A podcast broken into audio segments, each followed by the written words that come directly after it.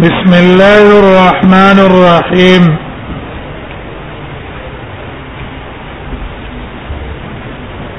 باب سجود القران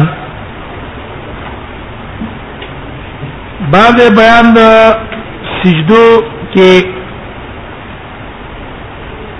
باب في السجدة إذا السماء انشقت واقرأ باسم ربك الذي خلق تفسیر مسله ابو داود کې مون بیان کړه چې د اسحاق ابن راهوی را ادا دا چې قران کې پندل سجدي دی او قول واضح دی د امام شافعي د امام ابو حنیفه په نسوار لستی خو فرق دا دی امام شافعي سورته حج کې دوه سجدي نه دا امام ابو حنیفه سورته حج کې دوه سجدي نه مني یو مني او د سورته صاد مني او امام مالک د سواد سجده نه مني حج کې په مني امام مالک دی ولا څه قائل له هغه مفصلات کې سجده نشته راجح اورانه قول له اذا سماع شقت کې سجده وایمن رسول الله صلی الله علیه وسلم سجده کړو په اسم اقرا بسم ربک کړو سماع شقت دوانو کې ابو عیسی وای حدیث دا اوره حدیث سنن صحیح دی ولا ما لا عند سلامه يرون السجود في السماء انشقت فقرا باسم ربك مالك قائل له جمهور علماء قائل له باب في سجدة في النجم سورة النجم کی سجدہ پکار دا عبداللہ ابن عباس رسول الله صلی الله علیه وسلم سجدہ وکړه یعنی په نجم کې مسلمانانو مشرکانو پیرانو انسانانو دې باب کې د عبدالله بن مسعود روایت هم ده ابي هريره روایت هم ده امام ترمذی وايي حدیث ابن عباس حدیث حسن صحیح ده ولما هذا عند بعض العلماء يرون السجود في سورة النجم بعض علم د اصحاب النبي صلى الله عليه وسلم وغيرهم نوي ليس في المفسر السجدة هذا قول مالك بن انس ده قول اصل هذا ده قول سفيان بن سفيان الثوري بن مبارك شافعي احمد اسحاق ده ما هو ما جاء من لم يسجد به دا شافعي چې په دې کې سجده نشته زید بن ثابت وايي رسول الله صلی الله علیه وسلم د سورۃ نجم له سجده ونه کړه سجده پکې نه کړې على الفور البته من تعویل وکړلو دیو شوای ته ول بعض علم هذا ليس فقال انما ترك النبي صلى الله عليه وسلم سجودا النبي صلى الله عليه وسلم سجده ذکر نه کړي لان زید بن ثابت حين قرا فلم يسجد هغه چې سجده اونکړه نبی صلی الله علیه وسلم سجده اونکړه او قیدان علی چې ثانه تابع دي چا ده ایمان ده کنه وقالوا السجده واجبه ولا من سمعها او دی سجده واجب ده پاسه چې وی ورېده ولم يرخص في تركها وجاده په دې پر غسل کې نه ور کړې ها دا مو چې ان سمع الرجل ولا غير وضو او د سينو پیدا توسعت جدا چوره چو کو سجده وو کی دا قول سفيان کوپی والا دا قول رشاد بعض علم وايي ان مسجد علام الارایز اراد ان يسجد فيها چراده د سجدي اوریدلو ولته مصفز له طلب طلب داخل فضیلت ورخص في ترك اغي خيرك نیک میکا قالوا ان اراد ذلك ک اراده وکړه دا کار نو ټیک دا لازم نه پکې کنه نه دا واحتج بالحديث المرفوع چې حدیث زید ثابت ته قرات على النبي صلى الله عليه وسلم النجمه فلم يسجد فقالوا لو كانت سجدة واجبة لم يترك النبي صلى الله عليه وسلم زيدا حكم السجدي من ابو داود کی بیان کو حتى كان يسجد النبي صلى الله عليه وسلم واحتج بعمر انه قرأ سجدة المنبر فنزل فسجد ثم قرأ في الجمعة الثانية فتهيأ الناس للسجود فقال إنها لم تكتب علينا فرض ما إننا إلا يشاء نشاء كمن يقالوا فلم يسجد ولم يسجدوا وذهب بعضهم إلى هذا نقول الشافعي وأحمد لكن اشاره په اختلاف د حکم ده فما جاء في في صوات سورة الصوات كم سجدة شتا ابن عباس في وليست من عظائم السجود فرض ملا ده وکولې دي قالت واختلف على العلم من اصحاب النبي صلى الله عليه وسلم وغيرهم في هذا فلا بعض العلم ان يسجد فيها سجده وفك بكير قول سفيان وابن المبارك والشافعي واحمد والشعب وقال بعض ان توبه نبي توبه نبي ولم يروا السجود فيها فيكفيك سجده نشده سوره حج سجده راغلی دا قال قلت يا رسول الله صلى الله عليه وسلم فزلت سوره الحج بان فيها سورتين سوره الحج فزلت دي وجه په دې کې دوه سجدي وي او چا چې نه چا چې نه کولې به دې نه لولي دا نه کې ليس استاد بالقوي علماء اختلاف ته پدې کې عمر ابن الخطاب نے نقل له ابن عمر نه انهما قال فضلت سوره الحج بان فيها شدتين وذا قول ابن مبارك الشافعي احمد اسحاق ورا بعض فی عشیزه یو چیز ده بکې دا قول سفیان ثوری مالک او کوفی والا با ما جاء ما یقول فی سجود القران سجود القران ته کومه دعا کوي ابن عباس یو سره نبی سلام تراغه ویره الله پیغمبر امان شپه په خوب کې ولې رجوع دوبا ویا که زه مونږ کومه دی ونه شاته ما سجده وکړه هغه سجده وکړه ما سجده وکړه سجدین سجده وکړه ما د سجدې د وجه ما ته واورې چې دا ویلا اللهم اكتب لي بها عندك اجرا یا الله زما لپاره په دې باندې اجر ولیکا وضاع عني بها وزرا او کله زما په دې باندې ګناه وجعل هل عندك ذخرا زما لپاره ذخیره وګرځوا وتقبلها مني كما تقبلتها من عبدك داود قال سمع قال ابن جريج قال جدك قال ابن عباس فقرأ النبي صلى الله عليه وسلم سجدا بیا است نبی صلی الله علیه وسلم د خوب نه پس آیات سجدی ول سوره ثم سجدا فقال ابن عباس سمعته هو يقول ما ده نبی صلی الله علیه وسلم وارد چې دقه دعا کوي ما اخبر رجل من قول السجره دا دعا هم پکې کولای شي عن عائشة قالت كان رسول الله صلى الله عليه وسلم يقرأ القرآن بالليل فزوج الذي خلقه وشق صمه وبصره بحوله وقوته ذات وام كولش بعما ذكر في من فات حزب من الليل فقضاه بالنهار فشبيدنا عيسى د فات شوى هذا دا ورځ قضې راوړل قال رسول الله صلى الله عليه وسلم حزبه او عن شيء منه فقروا ما بين صلاه الفجر وصلاه الظهر كتب له كان ما قروا من الليله تشولك الشبي والسر ما ما جاء في التجديد في الذي اربع راسه قبل الامامه هذه ابو داود كم تفسير تيرا اما يخشى الذي يرفع راسه قبل الامام ان يحول الله راسه راس حمار فرد الله ذكره ګرځي حقيقة يا كار ذكره وکړلو باب ما جاء في السلسله سلي الفريضه یو سره فرض منذ کې به بل ته امامتي ورته پس دا نه اقتدار مختلف متنفل په صحیح ده وعاد روایت ته تفسیرانه قال سلي سلم صلاه المغرب سمرجو الى قومي في فيومهم ولا ملاذ عندنا من اصابنا الشافي واحمد وساق قال اذا مر رجل القوم في المكتوبه فرض من امامتي وكلا وقد كان صلى قبل ذلك او دا فرض منځ کې کړی ان صلات من اتم به جائز چا په اقتدا کو دا من جائز ده او د یې نیولې پاتې د جابر په قصې د معاذ کې راځي صحیح ده وقد روي من غیر وجه جابر جابر په مختلفو طریقو نقل له ابو درداء نقل له نسير عن رجل دخل المسجد والقوم في صلاه العصر وهو يحسب ان صلاه الظهر غمان ده د مسبقين نه فيتم به د پښې د مسبقين اقتدا وکړه مونږ څنګه وي مونږ صحیح ده احناف مذهب دې کې قوی نه ده سيكن دار نيت بيي وقد قال قوم من الكوفة إذا تم قوم بإيمانه ويصلي رأسه وهم يحسبون أن زورا فصلى بهم واقتلوا به فإن صلاة المقتدي فاسدة إذ اختلف نية الإمام والمأمور وده قول كمزور يا كان باب ما ذكر في رخصة في سجود على ثورة الحر والبرد أخبر بس أبو داود شميري هذا آه إمام شافعي بنسبة چې کله صوب متصل او منځ جایز نه ده که صوب منفصل به جایز ده لیکن قول جمهور راجح ده بدون جایز ده كنا اذا صلينا خلف النبي صلى الله عليه وسلم غرمه ٹائم کی سجدنا على ثياب انتقال حر باو باو ما ذکر فيما مستحضر الجلوس في المسجد صار رس تو جمعہ کی کینه نور اخت پر داغی فضیلت نبی صلی الله علیہ وسلم اذا صلى الفجر في قعد في مصلى فخذ بكرا تطلع شمس نور برا وقتله دبل آیت کی نے ثم قعد ما صلى الفجر في جماعه ثم قعد يذكر الله تطلع الشمس ثم صلى ركعتين بيد ركعته وقعدته كحجه وعمره حج عمره عمره ثواب ہوتا ہے قال قال رسول الله صلى الله عليه وسلم تامه تامه پورا پورا ثواب ناقص بنے وسالت محمد اسماعيل عن ابي زلال ولا ابي زلال په دې کې څوک دی ودا مقارب الحديث ته مقارب الحديث معنا من کړي وا چې توثیق یې ګیرش قال محمد اصحاب هلال او ما ذکر په الاتفاق په صلات ما ذکر خو دې قتل دا څنګه لري نو مخه له ولنا روا دي په ګډون باندې قتل جایز دي دا مثلا ابو داود کی تفسیری کړي قال ولا حذف صلات يمين وشمال رسول الله صم په ګډونو سترګو باندې کې چپ طرف ته قتل غټړ بنه تا شاته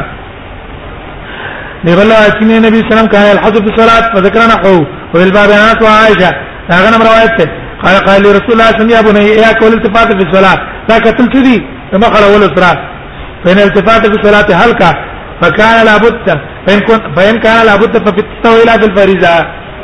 ونواتر کې کو پرځو کې مکوا ابو سعید رضی الله عنه صحیح انا اذا قال سالت رسول الله من التفات في الصلاه قال الاختلاس يختلس الشيطان من صلاه الرجل تطبيق مکو کرا یو ګډونه دی په مخړه ولوي قال ابو سعد بن غريب ما ما ذكر في رجل يذكر امام مساجد كيف يصنع امام بسجدي سبا كيف استاق کیوں سے شامل شاہ کوئی صاحب ہوئے ہم مدرک رکو مدرک صلات تے کرا ہے ابو داؤد کی دادی سے ہے ذاتاتكم صلاه الامام والحال فليصنع كما يصنع الامام هغه دې کې لکه څنګه امام کوي ولما لا هذا عند العلم قالوا اذا جاء رجل امام ساجد فيسجد ولا تجد تلك الركعه اذا فاته ركوع ركوع دي فوتسا سر الامامنا واختار عبد الله عمر كان سيد مع الامام وذكر عن بعضهم فقال لعله لا يرفع راسه من تلك السجده حتى يقرا له ولكي ديشي ودي سجده کې الله د دې سړي موږ قبول کړو مغفرت ته وکي او دا مصطفی کې شامل شي باب کراهیت ينتظر الناس الامام وکراهیت دې چې خلک انتظار د امام کوي او دی ولاړی وخت ته تاسو صلاه کړه او دا وګداو کېره نه کړه امام نه راغلی ته بار ولاړ دا باندې کې اذا قيمت الصلاه فلا تقوم وتتروني خرجت رج ما ویل دي درو وتلما ربا قران او حديث ده انس غیر محفوظ ده قال ابو سعيد حديث ابي قتاده حديث انس بن زيد وقد قد كره قوم من من اصحاب النبي صلى الله عليه وسلم وغير ما ينظر الامام وهم قيام ان ينظر الامام ان ينظر الناس والامام وهم قيام فولالا فقال بعضهم اذا كان الامام في المسجد وقيم الصلاه انما يقوم اذا قال المؤذن قد قام الصلاه مثلا ابو داود کی بیان کړو چې کم ټیم کې به ودرېږي قد قام الصلاة قد قام الصلاة وهو قول المبارك ما ما ذكر في ثناء الله وصلاة النبي صلى الله عليه وسلم قبل الدعاء دعاء مکه ثنا او د نبی صلی الله علیه درود ویل په کار دي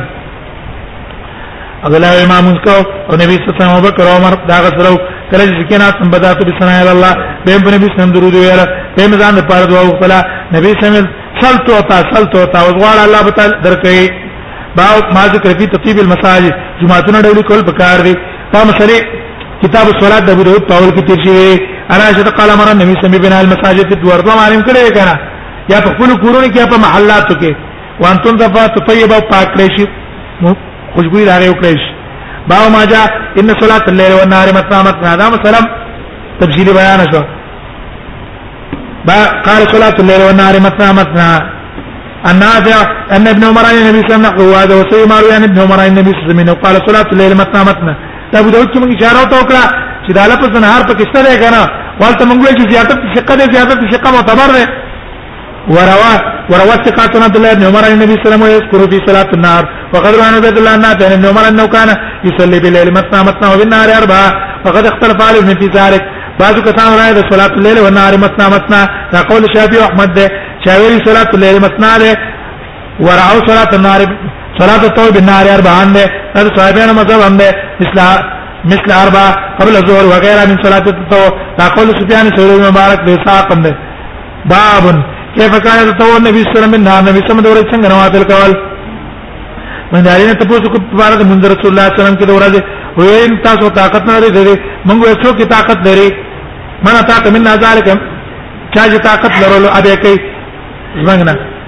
وی رسول الله صلی الله علیه وسلم اذا كانت الشمس مراون نور وجد مشرق نراغه شانت ده هات سے لکه د ماجیګر کا ته یو کړو کله بچی نور من هاونا د دې جنو که اتیا من که اتیا من هاونا یعنی زور صلی اربع باندې څلور رکعات کړو صلات الضحى ويصلي قبل الظهر اربعه بعد ركعتين وقبل الظهر اربعه يفسر بين كل ركعتين بالتسليم على الملائكه المقربين والنبيين المرسلين ومن تبعهم من المؤمنين والمسلمين عن عاصم ابن زمران هاري عن النبي صلى الله عليه وسلم قال ابو سعد حديثنا سنة صحيح وروي عن ابي مبارك انه كان يضعف هذا الحديث اذا ليس بيزوي فعله وانما وانما زوف عندنا والله اعلم لانه لا يروى مثل هذا عن النبي صلى الله عليه وسلم الا من هذا الوجه انا عاصم بن زمران هاري او عاصم بن زمران ثقه من هذا الحديث علي بن المديني واي يحيى بن سعيد القطان واي سفيان يكون انا عارف فضل هذه عاصم من زمران على هذه الحارث باب فی کرایت الصلاة فی رحل النساء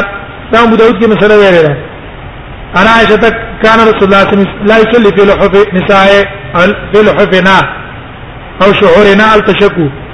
باو ما يجوز من المشي والعمل في صلاة التطوع من اپنی مانتا کی اعمال جائز دی عائشہ رضی اللہ عنہ رسول اللہ صلی اللہ علیہ وسلم تا او نبی صلی اللہ علیہ وسلم کو کوټه کې والباب علی مغلق دروازه بند کړو فمشى نبی سم مخ ترا غیا تا فتح علی دروازه ما ته کلا وکړه ثم رجع الى مکانه وهو سفل با في القبلة خو دروازه قبله طرف توا باو ما ذکر دي قرات سورتين درکا دو سورتونه په ورکات کې جمع کولای شي اما قاری سوای نصرا كنصر الدقل وعلى ابو داود کی مسویل لا يجاوز براقيم اني لا اعرف صور النظائر التي كان رسول الله صلى الله قال فامرنا فامرنا القما ما القمه تلتفوت وكفتالو فقال شروع سوره منفصل نبی صاحب يقرأ بين كل سورتين یو ځای کول ابتداء سوره المبارکات کې با ما ذکر في فضل المشي المسجد سره جمعه تجد هغه فضیلت وما يكتب من اجر في خطاه او کم چې قدمونه دي پای کې کم اجر ته ملاويږي هغه اجر وبه قال محمود بن غيلان قال سنا ابو داود قال قال انبانا شعبه انا العمش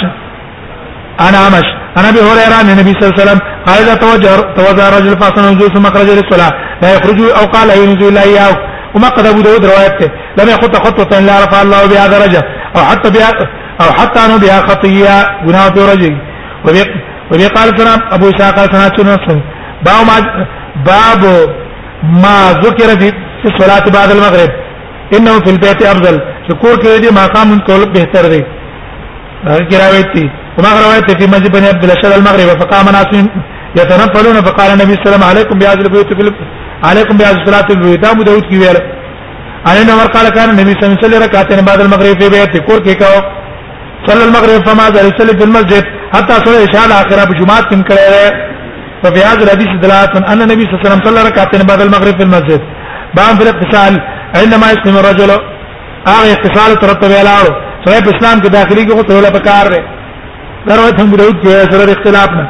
عن قيس بن عاصم انه السبب امره النبي صلى الله عليه وسلم بما هو ويغتسل بالماء والجدر وبالباب عن ابي هريره فهو ما ذكر من التسميه في دخول الخلاء بيت الخلاء النوذي بسم الله والبكار ابو داود كندا قال ان رسول الله صلى الله عليه وسلم قال ستر ما بين اعين الجن وبرات بني ادم اذا دخل احدهم الخلاء يقول بسم الله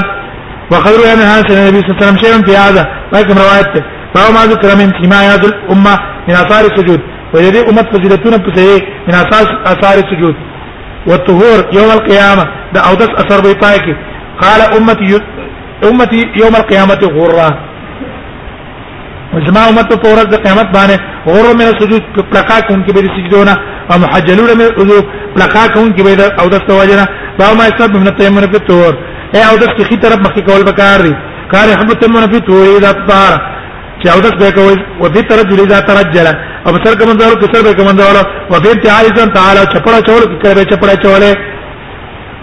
باب ذکر قدر ما یجد من الماء في الوضوء وما غل صاع مثلا ذکر کوي ابو داود هم ذکر کړی دا سره تفصیل نه قال يجد في الوضوء اطلاع مما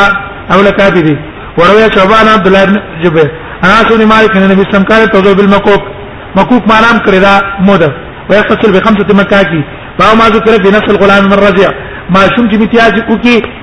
داغه فرق او اختلاف ابو داود کتاب چې بیان کړه ده قال في بول الغلام الرجل يمزح وبول الغلام وبول الغلام ويمزح ويمزح بول الغلام ويدخل بول الجارية قال قطع هذا وما يتما فإذا تيما قتلا جميعا باو ما ذكر في رخصة الجنوب في الأكل والنوم إذا توازات تبشريب مثلا ذكر كره أنا مار النبي صلى الله عليه وسلم رخصة الجنوب إذا أراد يأكل ويشرب وينام يتوضأ وجوه للصلاة باو ما ذكر في فضل الصلاة عام د فضیلت دغه د نبی سره ما څوک درود وای دغه فضیلت کابه نو دروای ما تر خدا سمي یوزک بالله زه په نه غواړم استاد الله تعالی نه یا کاج ابن اوجرا من عمر يكون من بعد يا غمران نزمان رسل فمن غشي ابو ام تو دای دروازه ترازي فصدقهم بكذبهم دا غیر درو تکذیب کو مدد کو تر کو دا غیر ظلم فلا سميني ولا سمينه ولا يرد عليه الحوزه ومن غشي ابو ابهم ولا يعشي او ولم يعش ولم يغش غشونه کو تصدیق منه کو دا وی پدرو کی او مدلم سب ظلمونه کو دا زمانہ زمانہ زه ما وسيد عليه الحوض وما بان محوض التراجي اكابر وجرا اس صلاه برهان ويعام من چيرا ګور انسان پر دلیل په ایمان وصوم جلنا روزه دال حسینه مضبوطه وصدقه تطبيع الخطيه صدقه گناه ختمه کما يطل ما والنار لکه څنګه چې ابو ور ختمه یا اكابر وجرا انه لا يرب لحم ناغتي يوغاك لا بتت من سحت چراغ تشویر حرام نه الا كانت كانت النار علا به ورب پایمندر لایقی قال ابو سعد هذه سنه غريب لا نعرف الا من هذا الوجه وسالت محمدا انا هذا الذي فلم يعرفه الا من هذه عبيد الله ابن موسى واستغربه جدا ډېر تناشنا ويلو باب منه ناغي متعلق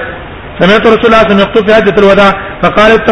اتقوا الله ربكم وصلوا خمسكم دل الله نيريږي پنځه وخت مونږ کوي رمضان روزي نه صحیح زکات ورکوي د مالونو تابعداري کوي د خپل مشرانو داخليږي به جنت تر خپل تا ما بي امامه تل مونږ کم سمعت اذر علي څو وخت نه دی اورېدل وې زه دې څه کال مشه اورېدل نه ابواب الزکات عن رسول الله صلى الله عليه وسلم ما جاء رسول الله صلى الله عليه وسلم في من زکات من التجديد څوک زکات نو کوي داږي سخت دي و اذا علم رسول الله صلی الله علیه وسلم تغناستو حضور کعبه کې زه وی درم تر روانو و وی فرمایل هم الاخسرون ډیر تاوان ولادي پرد کعبه من قسمی پر د قیامت ما ویل مالی لعل فقلت مالی وی څه وجره زما لپاره لعله انزل في شيء انزل في شيء ويا كما مبارك بتشينا ذل شيء قلت من هم فداك ابي وامي سوق دي زما زما مور پلارستانو قرباني رسول الله صلی الله علیه وسلم دا کسان دي ډیر دي په اعتبار د مال هم الاکثرون الا من قال هكذا هكذا مگر آسو چې د شمال خرج کو د خرج کو فحذا به دې اے لته مخ ته دې غره ولا چپ طرف ته خي طرف ته چپ طرف ته به ولذي نفسي به الى مت رجل نمري او سره فيدعو ابلا او بقره وخان دي پات شو غان دي پات شي لم يود الزكاه ها زكاه ولا انك الا جاءت يوم القيامه اعظم را بشي ته پوره ته قیامت ډیر لوی ما كانت اسمرا چې ډیر می په اعتبار دا و چې په دنیا کې څونه غټو او چا ته به اخفاف یا وطن ته به قونیا په مال کې به خپل او وی به خورو کله ما نفذت اخرى چې اخر ختم شینو واپس به شي پای باندې اولني حتی یقضى بین الناس قال ابو شاوي حدیث ابي ذر حدیث سنن صحیح ده انہوں نے جندل ابن سکان نے اور ابن جنادہ ہوتا ہوں میرے کی باو ما زادت زکات فقط قضیت مالک باندې بیان دې چې تاسو زکات ورکو کنه پتا چې کوم حق وبتاغه ادا کړو تاسو پرنو ما ساتل جایز دي نبی صلی الله علیه وسلم زادت زکات مالک فقط زکات مالک فقط قضیت مالک تا ختم کړو من غیر وجه انه ذکر زکات فقال وجه یا رسول الله هل علی غیر وقال لا الا ان تطوع نفل ورکی وابن حجر عبد الرحمن بن حجر البصري ده دی بل روایت کې كنا نتمنى ان تدي العربي انا سويم بلا اخو كوج باندې چې پوز سوالو کی وجه عاقل خيار عربي فيخر النبي صلى الله عليه وسلم ونحن هندا النبي صلى الله عليه وسلم نتپوس كي من غترنا استي ذكا چې آدابونه پوره خبر نه لري خو چې تپوس نو کې مو پیښو کنه فبين احنا كذلك من د قشان اذا تا عربي فجاء بين النبي صلى الله عليه وسلم فقال يا محمد يا رسولك اتانا فزاما لنا انك تزم ان الله ارسلك النبي صلى الله عليه وسلم قال فبالذي رفع السماء وبسط الارض ما قسم می تا هغه ذات چې اسمان پورته کړې اسمه ته غوړا وړا ورې او درې تعالی نه لګلې نبی سمې لاو وإذا ستا رسول وای انك تزمن علينا احسن صلوات خمس صلوات في اليوم والليل نبي صلى الله عليه وسلم قال فبالذي ارسلك الله وامرك بهذا قال نعم قال فان رسولك زعم ان زعم لنا من توای انك تزمن علينا صوم شهر في السنه فقال كما ان رجل نبي صلى الله عليه وسلم او قال ذو تلف بالذي ارسلك الله الله امرك بهذا نبي سمعنا قال فان رسولك زعم لنا رسول من دواي انك تزعم جتواي ان ان علينا في اموال الزكاه ثم ان مانو کی النبي صلى الله عليه وسلم صدق رشتي قال فبالذي ارسلك قسم لي باذا چترا لے گلے الله امرك بهذا نبي سمعنا واستار رسول الله چتواي چې مونږ باندې حج ده بیت الله تا څو چې طاقت لري دلاره نبی سمعنا قسم لي فاذا چې تر علی تا الله پر امر کړه و یا ولذي باسك بلا قلا او من ان شيئا ولا جاوزن ثم وصف النبي صلى الله عليه وسلم ان صدق الاعرابي دخل الجنه ابو داود کې په سر کې پیسې خو الفاظ لګ جداو يبل واجي يقول قال بعض العلم وفقه فق هذا الحديث فإذا يوم مثلا هو تلا ان القراءة العالم والعرض عليه جائز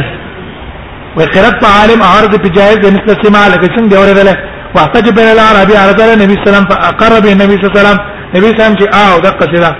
بام في زکات الذهب والورق د سرو زرو زکات او د سپینو زرو زکات مقدار څونه ده هغه ذکر کړئ نبی صلى الله عليه وسلم واي انا علي قال قال رسول الله صلى ابو داود كي القذفت عن صدقه الخير والرقي فهذه صدقه الرق من كل 40 درهما درهما وليس وليس في تسعة ومئة شيء فإذا بلغت مئتين ففيها خمسة دراهم وباب ابو بكر الصديق وعمر بن حازم روايه تمه وسالت محمد بن اسماعيل عن هذا الحديث فقال كلاهما عندي صحيح انا بساق يحتمل ان يكون على ما جميع دعنا نقلي ما جاء في زكاه الابل والغنم بايك ان رسول الله صلى الله عليه وسلم كتب كتاب الصدقه فلم يخرج الى عمار وسمى ابو داود كم دق حتى قبض فقرنه بسيفه قال ابو شاواي قال ابو سعيد بن عمر حديث حسن ولا مر على هذا الحديث عند عامه الفقهاء عامه الفقهاء وقد روى يونس بن يزيد وغير واحد من زوري امثال ما هذا الحديث ولم يرفعه انما رفعه سفيان بن سفيان فهو ما جاء في زكاة البقر زكاة البقر سنة قال في الثلاثين من البقر تبيع يو كرنيدا يا يو كرنيدا وفي كل أربعين مسنة فتلويق تكد وكرنيدا وفي الباب عن معاذ قال ابو عن قتيبة بن عبد السلام ثقة حافظ وروى شريك هذا الحديث عن قتيبة بن نبي عن أبي عبيد الله بن عبيد الله بن عبد الله يجون نقل عن معاذ قال بعثني النبي صلى الله عليه وسلم إلى اليمن فأمرني أن أخذها من كل ثلاثين بقرا تبيع وتبيع ومن كل أربعين مسنة ومن كل حال من دينارا فهر عقلنا بجزية كتاق لما يو دينار او عدله معافر يا دو دينار سو كم برابر دي معافري كبڑے اب تے اقلم قال ابو اسحاق حديث حديث هذا حديث حسن وروى بعض ما ذكر الانسان سفيان العمش انا بوائل باو ما جاء في كرايه تخذ خيال المال في صدقه ورمال بزكاه كنا اخله وما قد معاذ بعد روایت ہے قال بعث معاذ النبي صلى الله عليه وسلم فقال انك تاتي قوم من اهل كتاب فادعوا من شهادة ان لا اله الا رسول الله فانما تعوا لذلك فعلم ان الله افترى عليهم خمس صلوات في اليوم والليله فانما تعوا لذلك فعلم ان الله افترى عليهم صدقه صدقه اموال تؤخذ من اغنيائهم وترد على فقراء فانما تعوا لذلك فاياكم وكرائم اموال واتق دعوة المظلوم فإن عليك بينه وبين الله حجاب رباط الصنابين به فهو ما جاء في صدقة الزرع والثمر والحبوب د فصل د میوه د دانو زکات ليس في خمس فيما دون خمس زوج صدقه وليس فی دون خمس واق صدقه وليس فيما دون خمس اوسق صدقه اختلاف اس في بیان شو قال ابو سعيد حدیث ابي حدیث حديث سعيد والقدر من غیر وجه ولا مراد عند علمه ليس معدون خمسة او اوسق صدقه وسقه إيه ست ساعات وخمسة اوسق ثلاثمائة ساعة جوڑی گی تری سو ساعة وساعة النبي صلى الله عليه وسلم خمسة ارطال وسلسل وساعة الكوبة ثمان ارطال هغه اختلاف ته وليس بما دون خمسة واقع صدقة او قيجر 40 درهم ده او او خمسة اواق دسو درهم تجوريږي وليس بما دون خمسة زود يعني ليس بما دون خمسة من الربل صدقة فاذا بلغت 25 من الربل بنديش تورثه فبي ابنة مقاس وليس بما دون 25 من الربل لكل خمسة من الربل شات چې پنځونه کم د پنځشتونه کم پر پنځو کې یو غړې باو ما جاله چې پر قیل ورقیق صدقه پاسونه په غلا په دای کې غلامانو کې زکات نشته کې زکات نشته طریقه ته مولانا الله ابن قریب محمود بن غیلان انا به دې ابي هريره روایت ده